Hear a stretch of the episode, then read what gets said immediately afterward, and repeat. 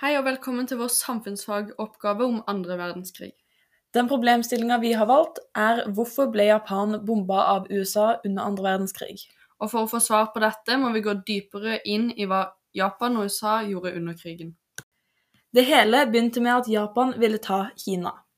De fikk til litt, men det ble vanskeligere enn forventa fordi USA forsynte Kina med varer. Det likte ikke Japan, og det kan regnes som begynnelsen på kranglingen mellom de to. USA og Japan prøvde jo å prate sammen, eh, men det greide de ikke, og da bestemte USA seg for å slutte å selge olje til Japan. Og det førte til at Japan bomba Pearl Harbor.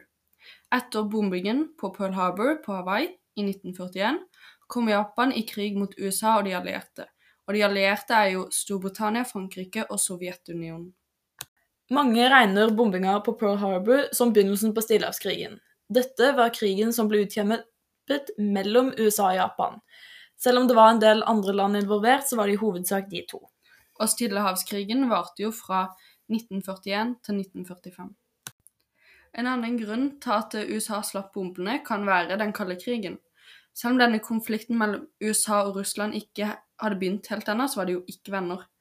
Den kalde krigen er et begrep mellom den siste tilstanden mellom USA og Sovjetunionen. Ja, og som allerede nevnt, så hadde ikke dette begynt. Men USA ville gjerne vise sin dominans overfor Russland. Noe de kunne gjøre ved å vise at de hadde atombomber og slippe de på Japan.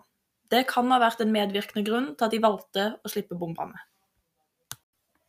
Noe annet som kan ha vært en eh, faktor for at eh, USA valgte å slippe bombene, var at det var en lett og enkel måte å slutte stillehavskrigen mellom det som på dette tidspunktet hadde vart i sånn ca. fire år.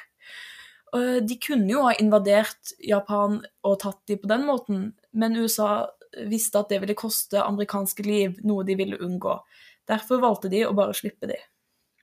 Jeg tror det var sånn president, presidenten så på det. Bombene virka jo mye bedre enn en invasjon, og i tillegg så var det litt brukerpress på å bruke disse bombene. Ja, det var det. Siden de hadde kosta så mye penger å lage, så ville folk se at de faktisk ble brukt, og at pengene var verdt noe, på en måte. Nå har vi avklart hvorfor USA bomba Japan.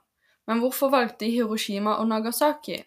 Hiroshima var veldig eh, nøye utvalgt mål.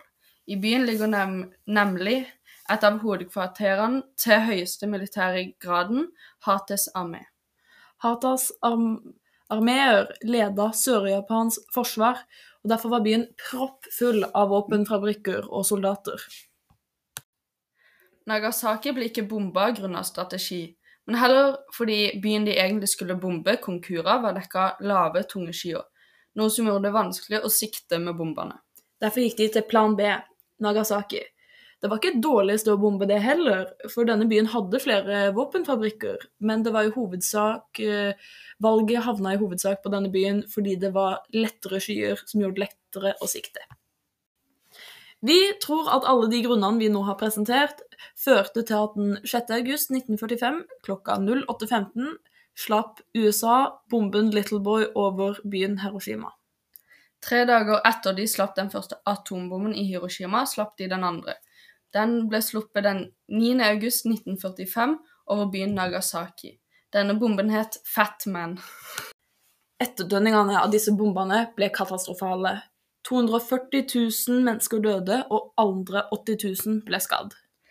Eh, de to byene ble bygd opp igjen, og det er mange minnemerker etter bombingen. Mm. Yes, Det var vår podkast om hvorfor eh, USA bomba Japan. Under andre verdenskrig. Yes. Håper du likte den. Ha det!